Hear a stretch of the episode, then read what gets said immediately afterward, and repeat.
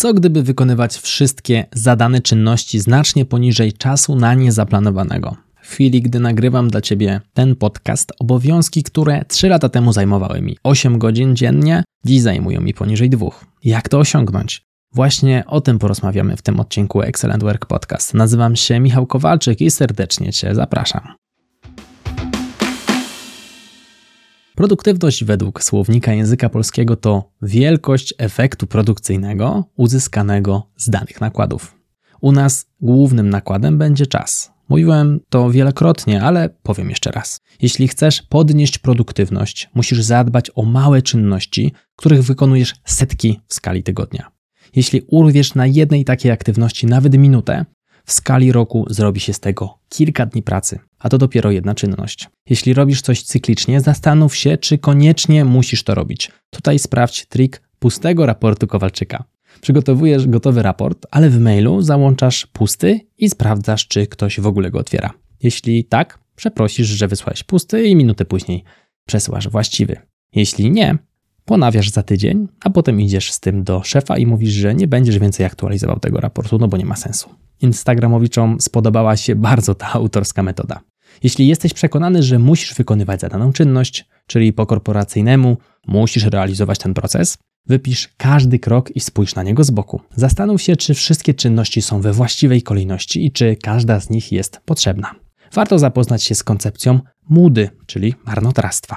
Staraj się wykonywać tylko takie czynności, które dają wartość odbiorcy końcowemu albo poprawiają jakość tego, co dostarczasz, np. raportu.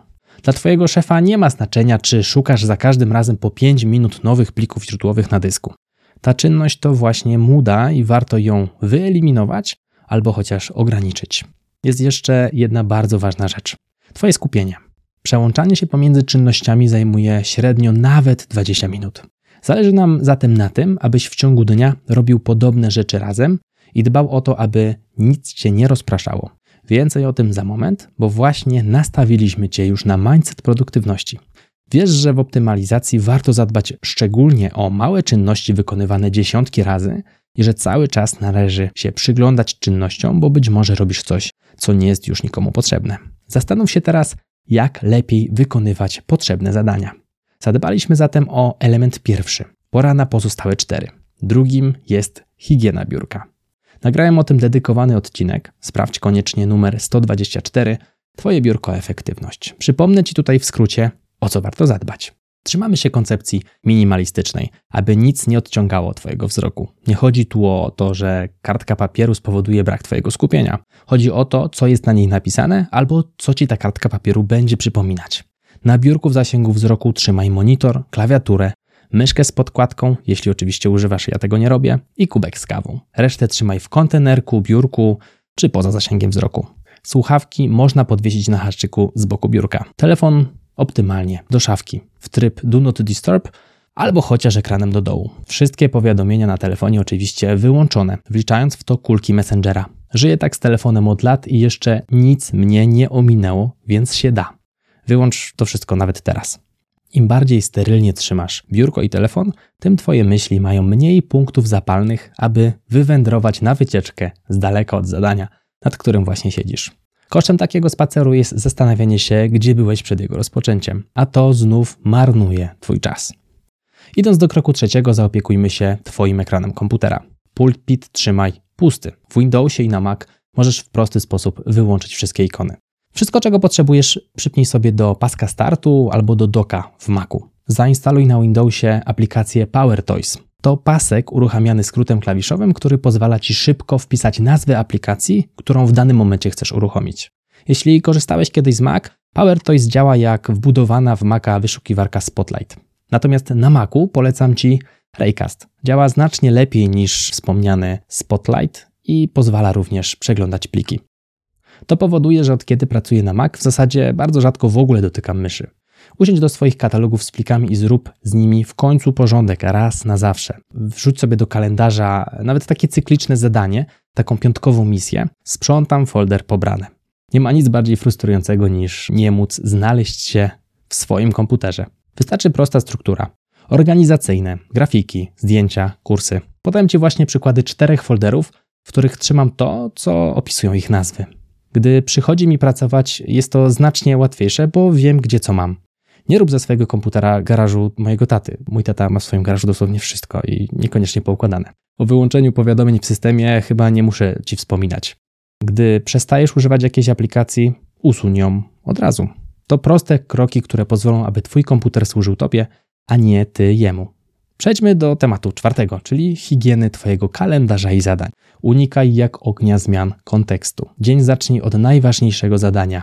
Nigdy nie od włączenia skrzynki mailowej, bo utoniesz tam na długie godziny, odbijając się od kolejnych wiadomości. Tu się przydaje koncepcja wiadra z kamieniami. Najpierw włóż do wiadra duży kamień, duże zadanie, a potem dosyp małymi. Jeśli zrobisz na odwrót, duży kamień może się nie zmieścić. Wystrzegaj się rozproszeń. Jeśli masz możliwość, używaj słuchawek z Active Noise Cancelling, czyli aktywnym tłumieniem hałasu. Blokuj sobie również sloty w kalendarzu i jeśli się da, pracuj w dedykowanych salkach. Zbuduj sobie ekosystem skrótów klawiszowych. Ważne, aby nawet zmiana muzyki nie była czymś, co wyciągnie cię z zadania na 5 minut, no bo znów ciężko ci będzie do niego wrócić. Wiele komputerów ma klawiatury funkcyjne. Zazwyczaj pod klawiszami F to są klawisze, które znajdziesz na pasku najbardziej na górze klawiatury. Są tam ikony np. następnej piosenki, regulacji głośności czy wyciszenia. Wystarczy przyglądnąć się klawiaturze i używać klawisz Fn plus ten klawisz F, a jeżeli nie działa, to po prostu klawisz F. To zależy od modelu komputera, czy laptopa, czy klawiatury. Jeśli chcesz sprawdzić, jak dobrze idzie Ci skupienie się przed komputerem, zainstaluj sobie aplikację Rise. Pierwszy miesiąc jest bezpłatny, a tyle wystarczy, aby wynik Tobą wstrząsnął. Apka działa na Macu i na Windowsie. Procent pracy w skupieniu powinien wynosić około 50. Ta aplikacja po prostu działa w tle i mierzy Twoje aktywności, jak często się przełączasz, na tej podstawie szacując Twoje skupienie. Znam niewiele osób, które docierają do 50%. Pora przejść do punktu piątego, czyli prędkości wchodzenia w interakcję z komputerem. I tutaj myślę ciekawa historia. Pamiętam, gdy w czasie studiów dorabiałem w masarni. Moim zadaniem było przyklejanie etykietek na paczki z kiełbasą. W pierwszym tygodniu maszyna szła na jakieś 70% prędkości i drugi członek załogi musiał czasami ją zatrzymywać, bo stałem już zasypany po kolana w nieoklejonych paczkach. Po kilku tygodniach maszyna szła na 100% prędkości, ja piłem kawę, a w międzyczasie przynosiłem sobie pojemniki, no i jeszcze dodrukowywałem brakujące etykiety. Co to ma do pracy z komputerem?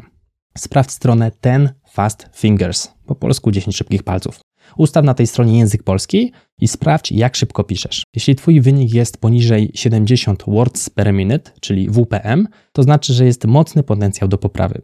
Ja jestem na wysokości 85-90, a niedawno zmieniłem komputer i klawiaturę.